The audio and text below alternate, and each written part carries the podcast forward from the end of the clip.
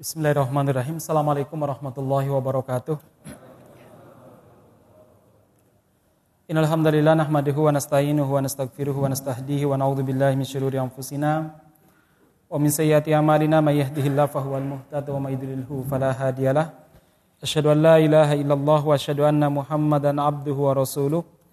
Allahumma salli wa sallim ala nabiyyina Muhammadin wa ala alihi wa ashabihi wa. Rabbi israh li sadri wa yassir li amri wa hlul 'uqdatam min lisani yafqahu qawli. Allahumma anfa'na bima 'allamtana wa 'allimna ma yanfa'una wa zidna ilman wa ba'd. Jamaah sekalian yang mudah-mudahan dirahmati Allah Subhanahu wa taala. Alhamdulillah di kesempatan malam ini kembali kita dimudahkan oleh Allah Subhanahu wa taala untuk duduk bersama dalam rangka tawasobil haq dan tawasobis sabar. Mudah-mudahan duduknya kita dicatat sebagai amal soleh di sisi Allah Subhanahu wa taala. Salawat dan salam mudah-mudahan tercurahkan kepada Nabi kita Muhammad Sallallahu Alaihi Wasallam kepada keluarga beliau, sahabat beliau dan siapa saja yang istiqomah di atas petunjuk Rasulullah Sallallahu Alaihi Wasallam. Kita senantiasa berdoa kepada Allah, mudah-mudahan kita termasuk mereka yang diberi kemampuan untuk bisa menapaki petunjuk Nabi kita Muhammad Sallallahu Alaihi Wasallam. Allahumma amin. Uh, jamaah sekalian, kita masih di kajian kaifa amalahum an Nabi sallallahu alaihi wasallam. Bagaimana Nabi Muhammad sallallahu alaihi wasallam berinteraksi dengan orang-orang di sekitar beliau. Dan kita masih pada bab bagaimana Nabi Muhammad sallallahu alaihi wasallam berinteraksi di saat beliau menjadi tamu atau di saat beliau menerima tamu. Pada pertemuan kemarin kita telah menjelaskan bahwa Nabi Muhammad sallallahu alaihi wasallam mengatakan bahwa kewajiban tuan rumah untuk melayani tamu untuk melayani tamu itu kurang lebih tiga hari tiga malam. Selebihnya adalah sedekah, itu kalau tuan rumah berkenan. Kalau tuan rumah tidak berkenan, mungkin dia punya kebutuhan yang harus dikerjakan, dia harus keluar kota, atau mungkin ada kesibukan-kesibukan yang membuat dia tidak merasa nyaman. Kalau ada tamu di rumahnya, maka tamu tidak boleh untuk menambah jam tamunya, tidak diperbolehkan. Nah di sini Rasulullah Shallallahu Alaihi Wasallam uh, pernah bersabda ketika ditanya, ya Rasulullah, bagaimana dengan bertamu di atas tiga hari tiga malam? Nabi Muhammad SAW mengatakan, wala ayyathwa indahu hatta yahrujah. Tidak boleh bagi dia untuk tinggal di sisi di, sisi, di tuan rumah, maksudnya tinggal di di rumah tersebut atau bertamu sampai tuan rumah merasa tidak keberatan. Kalau tuan rumah merasa keberatan, tamu bisa menangkap dari wajahnya atau dari sikapnya atau dari kata-katanya, maka tidak dibenarkan untuk menambah jam tamu. Kan begini, kita sebagai orang yang bertamu ya juga harus apa namanya pengertian. Tidak mungkin kan tuan rumah apalagi orang Jawa ya mengatakan, "Mas, aku cuma mampu berapa? Cuma bisa tiga hari doang ya. Mohon maaf ya." Atau di hari ketiga dia mengatakan, ngapunten jemas, ini cuma aku nggak bisa lagi gitu ya, nggak bisa.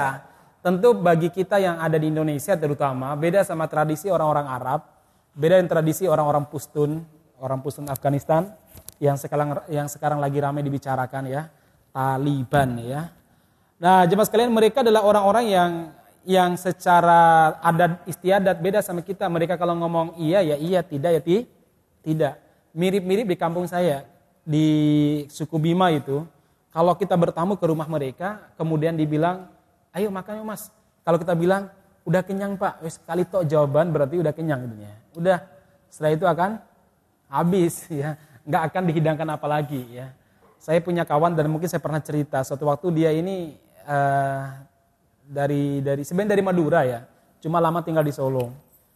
Uh, dari pondok dia diminta untuk tugas di tempat saya tapi sebenarnya jauh beda, agak agak jauh dari rumah saya, agak jauh dari kabupaten saya, cuma masih satu satu satu kepulauan begitu. Kemudian dia beberapa kali nelpon saya, dia cerita, Mas Masud, aku di sini sering kelaparan dengan. Lah kenapa kelaparan? Ya kalau pergi makan tuh aku tuh pakai hewo kalau mau ikut makan. Aku bilang kenyang itu nggak dikasih apa-apa dunia. Ya memang begitu tradisi itu. Kamu bilang kalau diajak makan makan, janganlah kamu bilang kenyang ini bukan Solo saya bilang gitu ya. Nanti kamu kelaparan terus, besar nanti membengkak nanti pembiayaannya. Ya udah. Jadi kalau saya diajak makan, makan makan aja gitu ya. Bahkan kalau kamu merasa lapar, bilang aja lah lapar dikasih nanti sebenarnya gitu ya. Nah, jamaah sekalian ada tradisi orang seperti itu. Nah, sama dalam bertamu pun tentu kita lihat bagaimana tradisi yang berlaku di tempat. Kalau seandainya tuan rumah cukup dengan mengisyaratkan kata-kata, menjelaskan, ya saya rencana mau ya besok mau ke luar kota sih ya. Ada ada ada rencana. Kalau udah ngomong kayak gitu berarti itu menunjukkan bahwa dia sudah tidak berkenan untuk kita tempati lagi rumahnya. Maka Rasulullah mengatakan, wala yahillu lahu an indahu, tidak halal bagi tamu untuk tinggal di rumah orang tersebut setelah tiga hari tiga malam, hatta yahrujah sampai tamu, eh, tuan rumah merasa tidak keberatan. Ya. Baik, uh, jemaah sekalian yang mudah-mudahan dirahmati Allah Subhanahu Wa Taala. Kemudian selanjutnya wa fi awqatil al-mukhammisati wasyiddati yatajalla ikramuhu lidhaifi. Uh, Nabi Muhammad sallallahu alaihi wasallam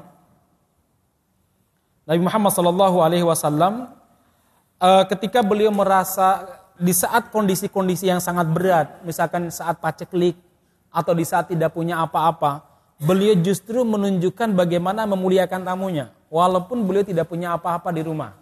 Nah, saya pernah cerita kepada antum bagaimana Rasulullah Shallallahu Alaihi Wasallam memiliki seorang tamu. Kemudian saat itu Rasulullah SAW bertanya kepada istri-istri beliau, ternyata sembilan rumah dari sembilan istri beliau itu tidak memiliki apa-apa untuk dijamu, untuk digunakan untuk menjamu tamu, tidak punya apa-apa. Masya Allah, jadi ada masa di mana Nabi Muhammad SAW itu betul-betul tidak punya apa-apa, padahal beliau seorang seorang kepala negara, bukan lagi kepala negara, seorang nabi yang kalau berdoa pasti pasti mustajab. Ada waktu di mana beliau tidak punya apa-apa jemaah sekalian. Bahkan ibunda Aisyah radhiyallahu anha pernah bercerita, kadang kami tujuh hari tujuh malam berturut-turut tidak ada di rumah kami kecuali aswadan dua benda yang hitam itulah yang kami makan. Apa maksudnya? Kurma sama air putih. Makan kurma sama air putih. Saya yakin kita terutama orang Jawa ya nggak akan betah dikasih kurma satu kilo pun ya tidak bisa menggantikan satu piring satu piring nasi. Iya ya. Kalau bagi teman-teman di Gunung Kidul mungkin kurma 2 kilo tidak bisa menggantikan tiwul. Nah, karena apa? Tradisi ma'asyiral muslimin. Ibunda Aisyah radhiyallahu mengatakan sampai sema, uh, tujuh hari tujuh malam, kadang lima hari lima malam berarti tujuh hari tujuh malam berarti sepekan ya. Sepekan tidak ada yang bisa kami makan kecuali apa? Aswadan. Bahkan dalam sebuah riwayat lain yang saya baca, sebulan di rumah kami hanya ada aswadan, hanya dua benda, air sama kurma. Apakah Nabi Muhammad SAW tidak bertanggung jawab kepada istri-istri beliau? Tidak, beliau bertanggung jawab. Beliau sangat bertanggung jawab. Uh, dalam sebuah riwayat yang saya baca, Nabi Muhammad SAW memberikan belanja bagi istri-istri beliau, mencukupi kebutuhan beliau itu uh, hitungannya tahunan. Misalkan tahun 2002, 2022 misalkan. Jadi bulan Desember, akhir bulan Desember itu, beliau sudah mencukupi kebutuhan hidup selama akhir tahun, selama 2002. Jadi gandumnya berapa, kira-kira keuangan berapa yang dibutuhkan, terutama makanan pokok, eh, gandum ataupun kurma. Selalu ada di rumah beliau. Nah kenapa sampai kurang? Boleh jadi karena ada tamu, karena ada orang miskin yang mungkin datangnya terlalu sering, Sementara istri-istri Rasulullah Shallallahu Alaihi Wasallam tidak pernah mengatakan tidak ketika ada orang yang meminta min, yang meminta-minta. Jadi kurangnya begitu, bukan karena tidak dikasih jatah belanja oleh Nabi Muhammad Wasallam. Kalah kita, kita paling hitungannya bulanan, iya nggak pak? Ya bulanan, itu pun bulannya masih kurang ya. Istri suruh puasa. Nah maksud muslimin, Rasul itu tahunan. Sehingga ya tadi ada musim paceklik atau apa nggak terlalu begitu mengganggu sebenarnya kalau beliau tidak didatangi oleh tamu atau kalau tidak ada orang-orang miskin yang sering datang ke rumah beliau. Jadi orang-orang miskin pada zaman dulu itu punya kebiasaan kalau jam-jam makan mereka tuh sering duduk di rumah-rumah istri Nabi di depan maksudnya ya, nengok ke dalam ya, nengok ke dalam ya. Nah biasanya Nabi Muhammad SAW karena beliau adalah orang yang sangat pemalu, beliau minta kepada istri-istrinya untuk apa? Untuk memasak. Nah nanti masakannya apa? Dipanggillah para fukoro, dipanggil diajak makan bareng. Sampai kemudian turunlah firman Allah Subhanahu wa taala dalam sebuah ayat, wahai orang-orang beriman, jangan menunggu-nunggu makan di depan rumah Nabi, ya. Dan kalau diajak makan, la tasta'nithu, jangan kalian berbincang-bincang di rumahnya. Terlalu lama, nek wes makan mulai, ya pulang sana. Jangan terlalu banyak berbincang. Kenapa? Karena itu sangat mengganggu Nabi dan Nabi malu kalau ngomong. Sementara Allah tidak pernah malu dalam hal kebenaran. Nah semenjak saat itu akhirnya orang-orang miskin tidak ke rumah Nabi. Tapi seringnya apa? Habis Isya atau habis zuhur duduk-duduk di pintu masjid. Ya. Nah nanti biasanya ada beberapa sahabat yang mereka ini paham, terutama Abu Bakar, Umar dan sahabat-sahabat yang punya kemampuan finansial. Biasanya mereka ini tidak makan malam dan atau tidak makan siang kecuali ada orang-orang miskin yang bersama dengan mereka. Masya Allah, ini kebiasaan para sahabat, tidak makan sendiri. Ya, itu ada baiknya ya. Di kantor tuh nggak makan sendiri ya, ajak teman bareng-bareng, nakti terus ya. Tapi yang ditraktir nanti keenakan ya. Nah, jadi Nabi Muhammad itu pernah suatu waktu kedatangan tamu, kedatangan tamu di saat kondisi ekonomi beliau betul-betul tidak punya apa-apa pada saat itu. Maka Nabi Muhammad Shallallahu Alaihi Wasallam berdiri dan meminta kepada para sahabat untuk menjamu tamunya. Artinya tanpa rasa malu, Nabi Muhammad SAW meminta kepada para sahabat siapa yang mampu untuk menjamu tamu beliau. Ini bagian daripada cara menghormati tamu walaupun kondisi kita tidak punya apa, tidak punya apa-apa. Ini luar biasa nih kalau seperti ini ya. Nah, jamaah sekalian uh, yang mudah-mudahan dirahmati Allah Subhanahu wa taala, ini uh, kebiasaan Nabi Muhammad sallallahu alaihi wasallam. Kemudian uh, disebutkan di sini Rasulullah sallallahu alaihi wasallam mengajarkan untuk mendoakan tamu uh, ketika uh, untuk mendoakan orang yang punya rumah ketika kita bertamu ke rumahnya. Nah ini uh, jamaah sekalian yang mudah-mudahan dirahmati Allah Subhanahu Wa Taala.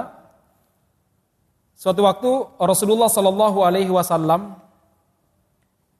datang berkunjung ke rumah salah seorang sahabat, kemudian sahabat tersebut menjamu Nabi Muhammad Shallallahu Alaihi Wasallam. Lalu setelah selesai makan, sahabat itu mengatakan, Ya Rasulullah, tidakkah engkau mendoakan untuk kami ya Rasulullah? Kemudian Rasul mengatakan, baik, saya doakan, Allahumma at'in man at'amana, wasqi man asqana, dalam riwayat lain, Allahumma at'im man at'amani, wa aski man asqani. Ya Allah, berikanlah makan kepada orang yang memberiku makan dan cukupilah minuman orang yang memberikan kepadaku minum minumannya. Jadi habis bertamu, habis makan di rumah orang, ini doa ini cukup bagus ya. Allahumma at'im man at'amana atau at'amani waski man asqani atau man asqona. Kalau riwayat lain mengatakan begini doanya. Uh, barakallahu fi malika wa ahlika. Semoga Allah Subhanahu wa taala memberkahimu, memberkahi dirimu dan memberkahi keluargamu serta memberkahi hartamu. Nah, ini di antara doa-doa yang diajarkan oleh Nabi Muhammad sallallahu alaihi wasallam ketika kita ketika kita bertamu. Nah, masalah muslimin uh, yang mudah-mudahan dirahmati Allah Subhanahu wa taala. Ini poin berikutnya. Uh, kemudian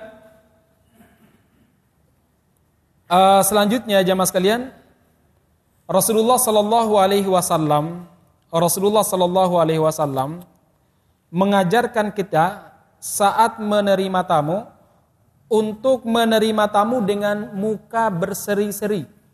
Jadi jangan sampai tamu itu ketika bertamu ke rumah kita sementara tampang tuan rumah sangat menyeramkan. Walaupun makannya enak, minumannya enak, tuan, tuan uh, ruang tamunya luas, tapi ketika Anda dihadapkan pada tuan rumah lagi cemberut ya, kemudian mungkin mukanya peteng banget ya, tidak ada senyum sama sekali, kira-kira Anda merasa nyaman untuk makan di rumah dia? Nah, saya yakin mungkin Anda langsung pingin pu, langsung pingin pulang.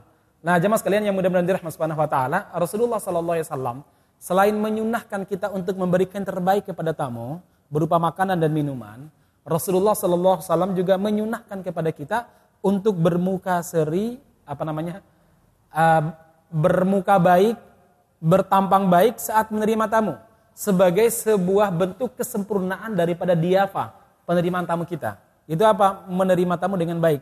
Salah satu tanda kebaikan kita dan tanda kita senang menerima tamu adalah apa? Tunjukkan bahwa Anda senang didatangi oleh tamu. Jangan sampai Anda menunjukkan bahwa Anda tidak senang didatangi oleh tamu. Itu membuat dia tersakiti hatinya. Nah, ma'asyiral muslimin yang mudah mudahan dirahmati subhanahu wa taala, banyak hadis terkait itu. Salah satunya Rasulullah Shallallahu alaihi wasallam pernah bersabda, "La tahkiranna min ma'rufin." Jangan pernah kalian meremehkan perkara-perkara yang ma'ruf, perkara-perkara yang uh, yang baik walaupun kecil walau antal ko akhoka biwajhi tolak walaupun sekedar berjumpa dengan kawanmu dengan wajah yang berseri-seri Sekali lagi Nabi Muhammad SAW mengatakan jangan pernah meremehkan kebaikan. Sekecil apa pun kebaikan lakukannya. Lakukanlah walaupun sekedar berjumpa dengan kawan kita dengan wajah dengan wajah berseri-seri. Nah, jemaah sekalian yang mudah-mudahan dirahmati Subhanahu wa taala. Kenapa demikian? Karena itu membuat orang nyaman. Sementara membuat tamu itu nyaman itu adalah kewajiban tuan rumah. Membuat uh, tamu nyaman itu adalah kewajiban tuan kewajiban tuan rumah. Masyarakat muslimin yang mudah-mudahan dirahmati Allah Subhanahu wa taala, sampai dulu jamaah sekalian ada sebagian para sahabat ketika menerima tamu kalau rumahnya tingkat dua. Kalau rumah dulu kan lantai dua itu kan lantai atas bukan semen ya, lantainya paling kah papan sama dengan mungkin bapak-bapak pernah uh, melihat rumah-rumah tua ya, rumah-rumah kuno. Itu kalau lantai ada dua lantai, biasanya lantai atas itu apa? Pakai pakai papan. Nah biasanya kalau pakai papan itu jalan sedikit aja kedengaran nggak? Kedengaran. Nah sampai dulu ada sebagian ulama kita itu, para sahabat, ya demikian juga para ulama. Kalau mereka menempatkan tamu, biasanya kan mereka tempatkan tamu itu di bawah, ya di, di lantai bawah. Nah lantai atas itu adalah siapa? Keluar uh, tuan rumah. Nah mereka itu disebutkan sampai mereka itu berjalannya jinjit. Jinjit itu apa sih? Cuma apa? Uh, bukan jingkrak ya, kalau jingkrat begini, jinjit itu apa ya? Jempol ya. Supaya apa? Supaya tidak bersuara. Jangan sampai tamu itu tergang. Jangan sampai tamu itu terganggu. Sampai dulu sebagian para sahabat seperti itu. Pas di atas itu jalannya jinjit. Ya. Jangan sampai tamunya itu bangun.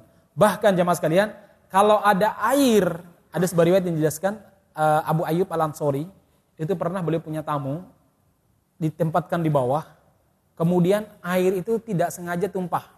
Maka segera beliau guling-guling, karena mungkin serbetnya agak jauh ya. Beliau segera guling-guling supaya apa? Uh, pakaiannya itu menyerap air, jangan sampai menetes mengenai ta, mengenai tamu. Seperti itulah para ulama dulu mengajarkan bagaimana menghormati tamu. Masya Allah ya. Nah saya mungkin pernah cerita kepada antum, ada beberapa masyarakat yang memang punya karakter penghormatan tamu luar biasa. Ya, saya lihat dalam beberapa kali saya bertamu, salah satunya orang-orang pedesaan di daerah Suria. Kalau di Solo mungkin banyak sih lah, udah sering kita rasakan ya. Saya heran tuh di daerah Suria itu, daerah pedesaan, pedesaan, saya nggak tahu perkotaannya, itu mereka menghormati tamu luar biasa. Saya pernah beberapa kali bertamu di tenda-tenda pengungsian. Jadi kan biasanya keluarga itu membuat satu tenda itu satu keluarga begitu ya. Satu tenda satu keluarga. Kadang sebagian keluarga itu membuat terowongan. Jadi gunung mereka gali, kemudian mereka tinggal di situ. Mereka tinggal di situ. Ya susahnya kalau hujan turun. Kalau hujan turun biasanya airnya mah airnya masuk.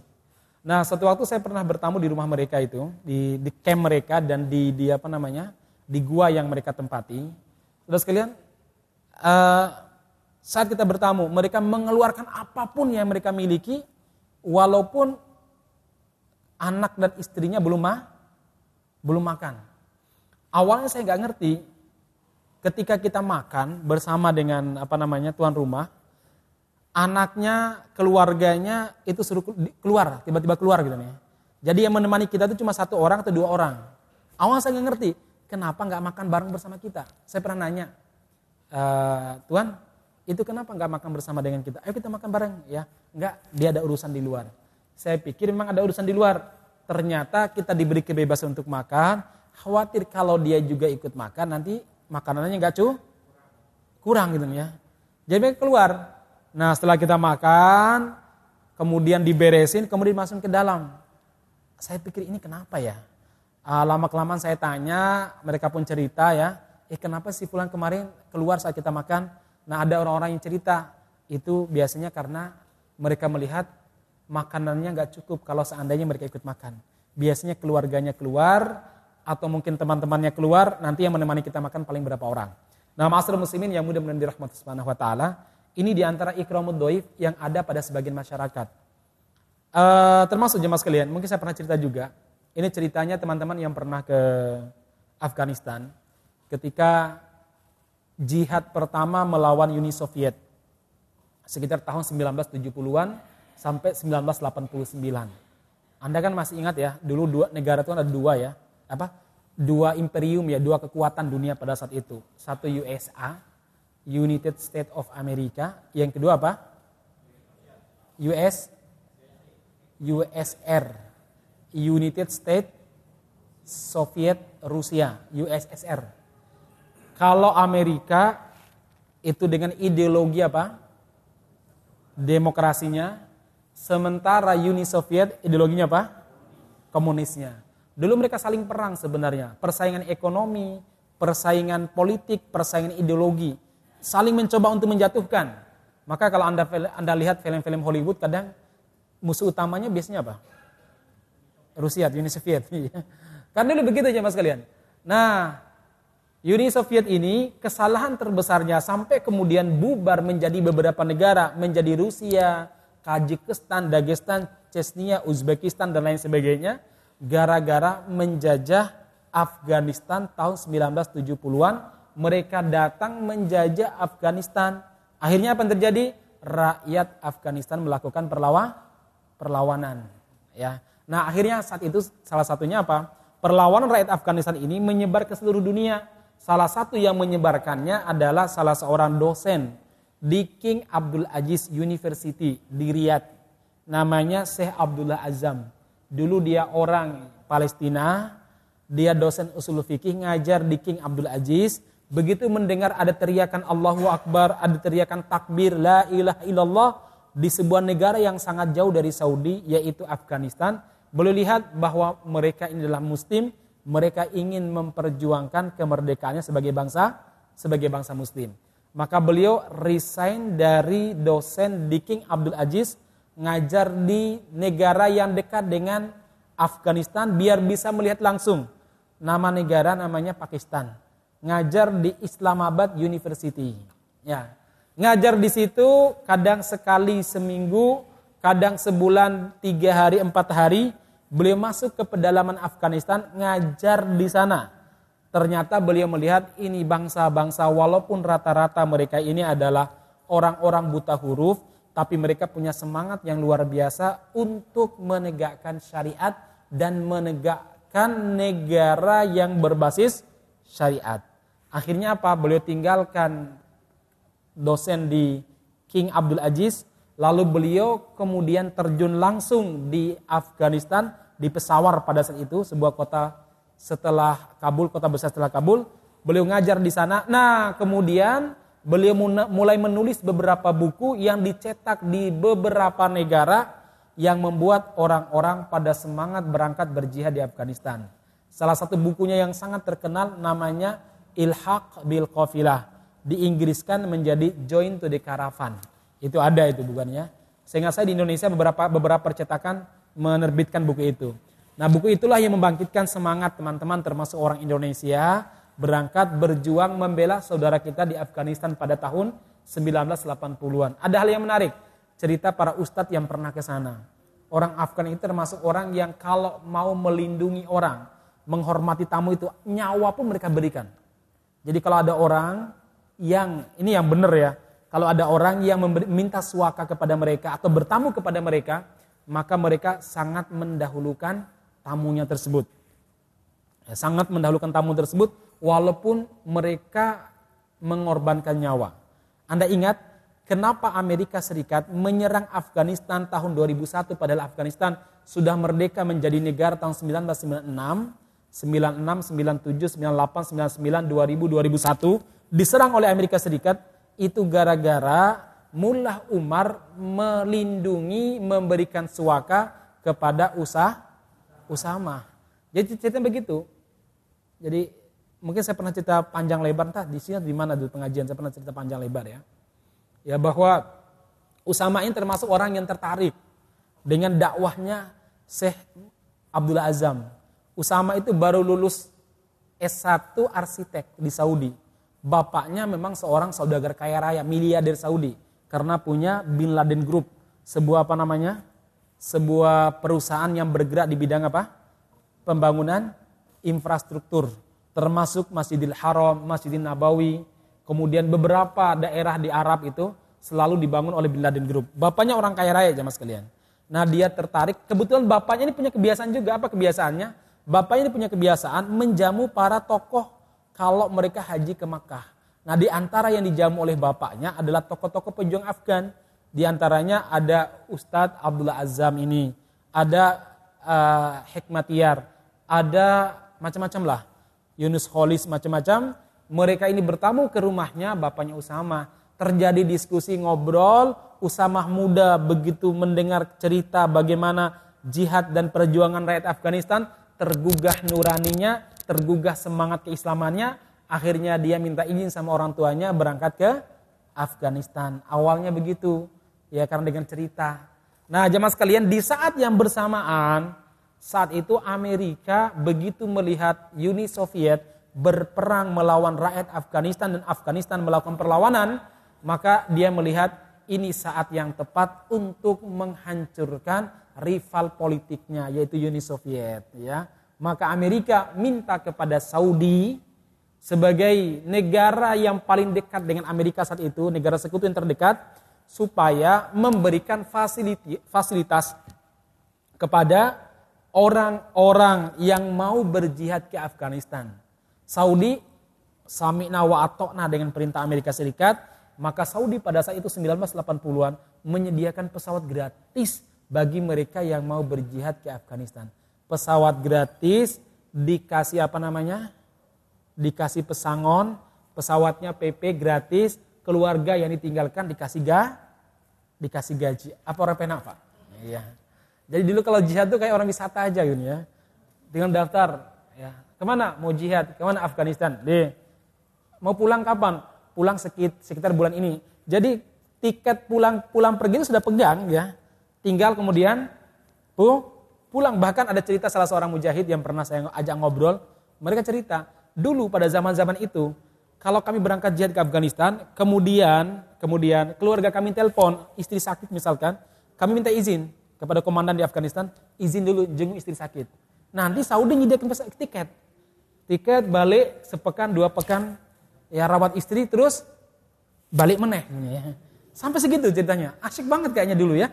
Coba kalau sekarang ya, mungkin nggak ada jamaah sekalian. Seperti itu sampai asiknya. Nah, nah jamaah sekalian singkat cerita Usama melihat kejadian tersebut apalagi didukung oleh kerajaan Saudi, maka Usama kemudian balik lagi ke Saudi dia membawa peralatan berat, membawa membawa harta yang sangat banyak karena beliau melihat bahwa Afghanistan saat itu tidak sekedar butuh pejuang, tapi butuh orang yang membangun kampung mereka, membangun camp camp pengungsi, membangun juga Uh, tempat-tempat pertahanan di pegunungan-pegunungan.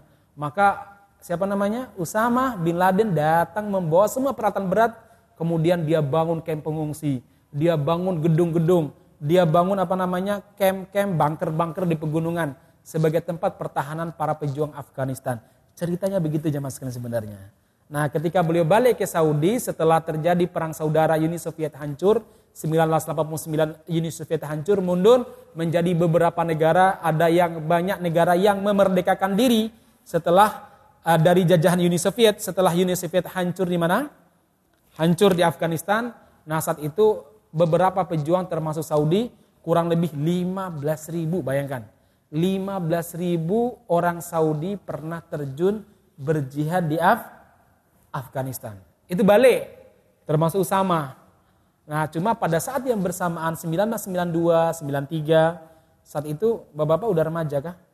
Udah nikah bahkan ya mungkin ya. Ya. Kalau saya belum SD kayaknya. 1992, 1909 berapa? 93 terjadi perang Teluk, perang Irak sama Kuwait. Ya, perang Irak Kuwait, kemudian Saudi berada di pihak Kuwait pada saat itu. Kemudian Saddam Hussein ngancam dan saat itu Saddam Hussein termasuk negara Irak itu yang dipimpin Saddam Hussein adalah negara Saudi, negara Timur Tengah yang paling kuat militernya. Akhirnya Saddam Hussein mengancam kepada Saudi, kalau kalian berpihak kepada Kuwait, kami akan mengirimkan rudal-rudal balastik kami dari Baghdad menghancurkan Riyadh, Jeddah, bahkan Makkah dan Madinah. Panik Saudi saat itu sama sekalian. Bingung. Maka kemudian mereka mengundang tentara Amerika. Balas budilah, kami telah bantu kalian di Afgan, sekarang bantu kami melawan Saddam Saddam Hussein. Gitu ceritanya mas kalian. Nah, tapi perbedaan di kalangan para ulama, bagaimana hukum meminta bantuan orang kafir memerangi saudara mus, muslim karena itu Saddam Hussein muslim. Akhirnya dibuatkanlah fatwa bahwa Saddam Hussein telah murtad. Jadi kadang fatwa itu lucu ya. Ya, kenapa? Karena dia partai Baas, sosialis. Sosialis ya kayak PDIP lah kalau di Indonesia ya. Kalau di Saudi itu eh kalau di Suria uh, Baas juga, nasionalis seperti Bashar Assad. Cuma sampai sekarang kita belum pernah mendengarkan fatwa dari Saudi bahwa Bashar Assad itu kafir itu ya. Yang ada itu siapa? Uh, Saddam Hussein. Difatwakanlah kafir murtad. Akhirnya berarti tidak ada lagi perbedaan pendapat bagaimana hukum meminta bantuan orang kafir untuk memerangi muslim. Udah selesai. Karena yang diperangi siapa? Mur murtad ya. Gitu ceritanya Mas kalian. Nah, akhirnya ada beberapa ulama yang tidak sepakat terutama ulama-ulama muda yang memberikan persetujuan itu ulama-ulama tua yang tergabung dalam lajnah daimah kalau di Indonesia semacam MUI dengan alasan dorurat karena kita mau diserang sama Saddam Hussein. Padahal Nabi Muhammad SAW mengatakan tidak jangan eh, keluarkan orang-orang musyrik dari Jaziratul Arab. Itu salah satu nasihat Nabi sebelum beliau wafat. Usir orang-orang musyrik dari Jaziratul Arab. Loh ini kok pemerintah Saudi malah memasukkan? Jawaban para ulama saat itu ini dorurat. Nah jamaah sekalian, lalu ada ulama-ulama muda, Safar Hawali, Salman Auda, ini dokter semuanya nih. Ulama eh, ahli hadis juga. Mereka kemudian menolak. Alasannya apa? Kata Safar Hawali, ya Syekh dia sampai nulis sebuah proposal. Proposal namanya Wakdu Kesenjer. Wakdu Kesenjer ini diterjemahkan oleh Akwam, Mencogonilan itu dengan judul Belitan Amerika di Tanah Suci. Cari aja bukunya itu ya. Itu hasil diskusi sebenarnya. Nah, Safar Hawali itu membawa sebuah proposal yang bernama berjudul Wa'du Kissinger kepada guru beliau Sebin Baz rahimahullah dan ulama-ulama besar Saudi lainnya. Di situ beliau mengatakan, wahai para masyayikh, sesungguhnya sesungguhnya Kissinger Siapa Kissinger? Nama lengkapnya Henry Kissinger. Dia adalah Menteri Luar Negeri Amerika tahun 1975 sehingga saya 1974. Nanti cari di Google ya. Itu Henry Kissinger. Nah, jamaah sekalian, Henry Kissinger ini itu adalah Menteri Luar Negeri Amerika Serikat. Dulu Amerika punya kebijakan setiap menteri atau orang yang mau diangkat sebagai menteri luar negeri dan pejabat-pejabat lainnya terutama pejabat yang sangat strategis mereka disuruh membuat proposal, nek kamu jadi pejabat menteri luar negeri misalkan, apa kebijakan politikmu untuk kepentingan Amerika. Jadi dibuat, mereka harus buat proposal. Ya saya nggak tahu di Indonesia, kayaknya Indonesia nggak ada deh. Makanya hampir tiap tahun selalu ada reshuffle kabinet ya. Kalau nggak menterinya yang korupsi ya. Karena nggak punya visi misi ya. Nah jamaah sekalian itu menteri disuruh buat. Nah Kissinger Henry Kissinger membuat visi misi. Di antaranya apa? Dia bilang saya akan mengantarkan Amerika menjadi negara digdaya. Negara yang superpower. Caranya adalah apa? Kita harus menguasai minyak. Dia bilang. Terus apa dia bilang? Kita bisa hidup tanpa Yesus. Tapi kita tidak bisa hidup tanpa minyak. Ini bahasa dia ya. Kenapa? Karena kita negara industri tanpa campur tangan Yesus kita bisa menghasilkan produk tapi tanpa ada minyak kita nggak bisa mengeluarkan produk. Maka satu-satunya cara untuk bisa menguasai dunia, kita harus membenarkan, uh, kita harus menguasai minyak. Dan minyak yang paling banyak itu ada di kawasan yang ditempati oleh umat Islam. Terutama Timur Tengah. Maka dia bilang, itu kesalahan terbesar Tuhan. Tuhan benar dalam semua hal. Hanya satu kesalahan terbesar Tuhan. Meletakkan kekayaan minyak di bawah negeri kaum muslimin. Maka kalau kita ingin menang, kita harus membenarkan kesalahan Tuhan. Itu omongan dia 1978-76 jemaah sekalian. Itu sudah menjadi kebijakan politik Amerika untuk menguasai timur timur tengah.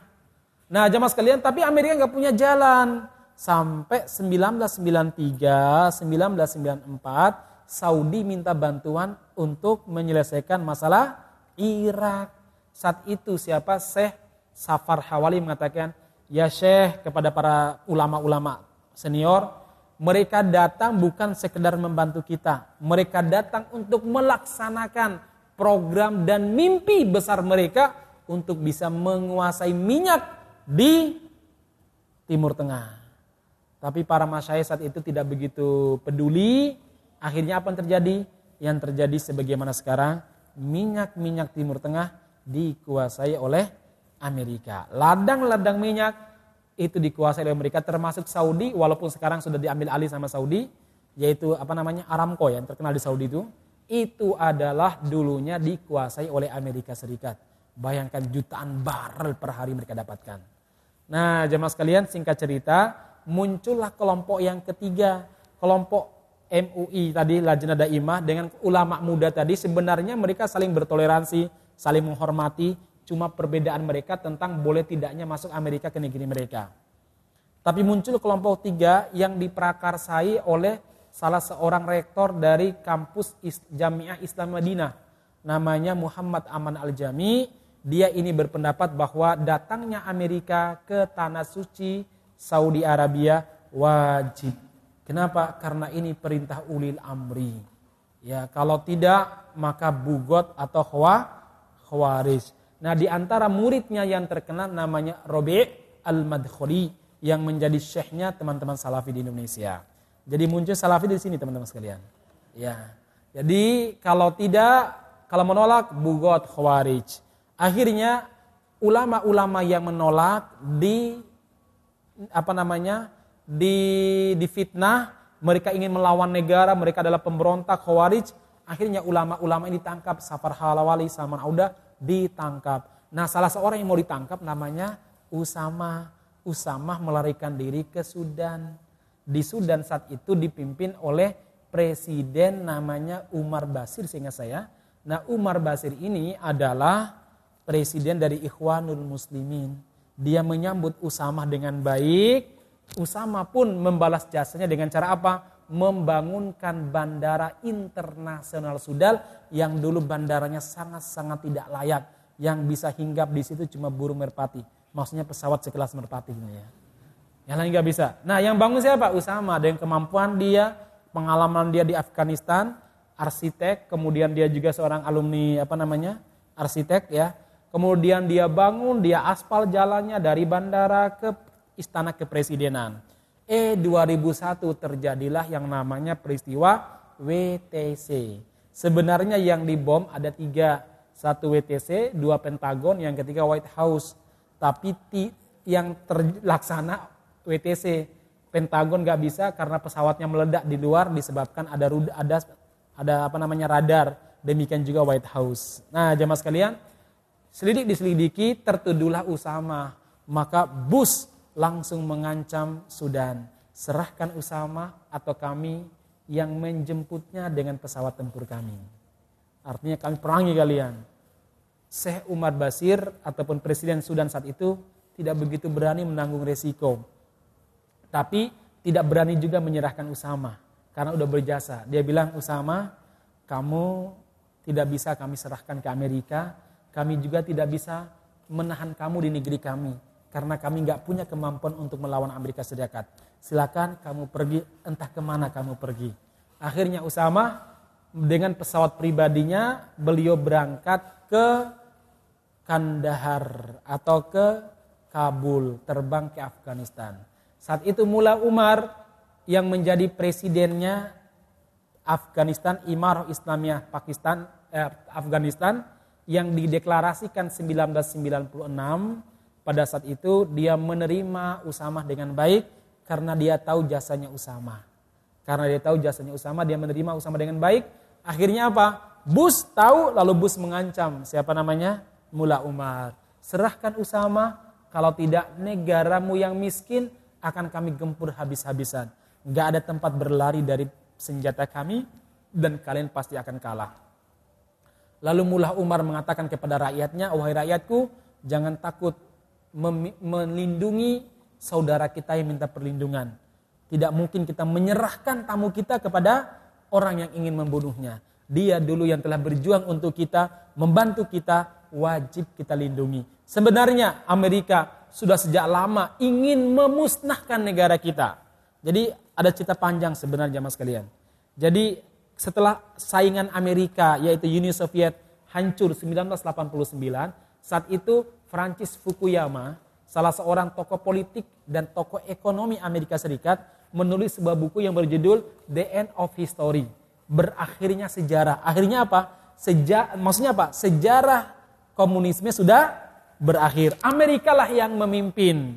Tapi itu 1999, 94 mungkin dia tulis.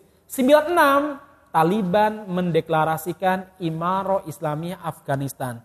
Akhirnya beberapa orang Amerika seperti Daniel Peoples pemikirnya, kemudian Samuel Huntington, dia membuat sebuah tulisan bahwa the next enemy, musuh terbesar Amerika, musuh terbesar demokrasi setelah komunisme runtuh adalah Islamic law, syariat Islam dia bilang. Jadi Anda lihat itu ada mulai mereka bingung, loh ini muncul negara baru yang punya kekuatan baru yaitu is Islam. Akhirnya semenjak saat itu sebenarnya Amerika ingin menyerang tapi bingung apa alasannya karena itu negara res, resmi. Nah masuknya Usama klub sudah ketemu alasannya. Kemudian Mula Umar mengatakan kepada rakyatnya jangan sedih sesungguhnya kalau Bush berjanji dan mengatakan tidak ada tempat berlari dari senjata Amerika sesungguhnya Allah Subhanahu wa taala berfirman dalam Al-Qur'an inna ardi wasiah bumiku sangat luas Bus menjanjikan kekalahan bagi kita. Tapi Allah dalam Al-Quran menjanjikan kemenangan bagi hamba-hambanya beriman dan beramal soleh. Mari kita lihat mana di antara dua janji itu yang terrealisasi. Kemudian uh, siapa namanya? Amerika pun membombardir 2001, 2002, 2003, 2004, 2005 hancur Afghanistan. Ya, Kabul hancur, Kandahar hancur, semua tentara Afghanistan mereka mengundurkan diri ke pegunungan-pegunungan Tora Bora. Kemudian 2006 kemudian bangkitlah perlawanan dari Taliban sampai nanti Amerika keok minta apa? perdamaian. Ada ceritanya Pak, minta perdamaian mereka ini. Tapi lucunya gini. Taliban itu oleh Amerika sudah dimasukkan ke dalam daftar terorisme versi PBB. Dalam keputusan PBB yang namanya terorisme itu nggak boleh diajak berunding, tidak boleh diajak musyawarah, adanya tangkap, penjara, bunuh atau hukum. Tapi di saat yang bersamaan, tentara mereka di Afghanistan mati banyak. Tiap hari 20, 30, 40 mati. Mereka bingung, ngajak berunding nggak boleh, tidak ngajak berunding kah? Kalah. Akhirnya mereka minta PBB untuk mengeluarkan Taliban dari daftar terorisme. Supaya apa? Supaya bisa diajak berunding. Itu kejadiannya Pak. Nah berundinglah di Kotar tahun 2016 apa 2015. Berunding di Kotar, pokoknya setelah setelah terbunuhnya Syekh Usama bin Laden. Mereka berunding di Kotar, saat itu Taliban berkata begini, wahai Amerika kalian bilang mencari Usama. Kami sudah membuktikan Usama nggak di tempat kami, Usama kalian dapatkan di Pakis, Pakistan. Usama telah kalian bunuh. Sekarang apa alasan kalian kok masih menjajah negeri kami? Bingung nggak? Ada jawaban saat itu. Kemudian eh, Amerika mengatakan, Bagaimana kalau kita damai? Apa jawaban Taliban? Damai. Gak mungkin kami berdamai dengan pencuri yang masih mencuri di rumah kami. Kemudian kami aja damai. Caranya pencurinya keluar dari rumah kami, baru kita berbicara perdamai, perdamaian. Kan logikanya Taliban begini. Ada perampok, datang rampok di rumah kita, lalu kita lawan, kewalahan perampoknya. Lalu perampoknya bilang apa? Damai yuk. Iya. gitu logikanya ya. Damai yuk. Iya. Maka itu logika Taliban. Lagi mana kalian sudah keok, ya, baru minta damai dan kalian masih menjajah negeri kami, masih mencuri dan merampok di negeri kami. Keluar dulu, baru kita berbicara apa? Perdamaian. Enggak, enggak, enggak aneh saja itu, enggak apa namanya? Enggak menghasilkan banyak keputusan. Tahun 2018 ingat saya, 2018 zamannya Trump, itu terjadi perjanjian di Moskow. Ini perjanjian tingkat internasional yang hadir Amerika, PBB, yang hadir adalah Uni apa Rusia tapi dimulai dengan tilawatul Quran. Masya Allah ya. Seumur-umur saya belum pernah melihat sidang DPR MPR itu dibuka dengan baca Al-Quran, nggak ada. Apalagi pada zaman sekarang yang dipimpin oleh kepak sayap kebinekaan itu ya. Saya belum pernah. Ini perjanjian internasional jamaah sekalian. Dimulai dengan apa? Tilawatul Quran. Begitu adzan berhenti. Kenapa? Taliban sholat berjamaah berjamaah. Ya. Akhirnya saat itu Trump berjanji akan mengurangi dan menarik tentaranya sedikit demi sedikit. Oke, tapi ternyata Trump bertahan hanya satu periode, digantikan oleh wakilnya siapa? Joe Biden. Joe Biden naik, malah nantang. Malah dia bilang kami akan melatih tentara Amerika, tentara Afghanistan, maksudnya uh, apa namanya uh, rezim bonekanya untuk melawan Taliban dan Taliban tidak akan mampu menguasai Afghanistan. Kemudian dijawab oleh Sekandahar. Beliau mengatakan, jangankan satu tahun, kalau kami mau dua pekan kami bisa menguasai Taliban.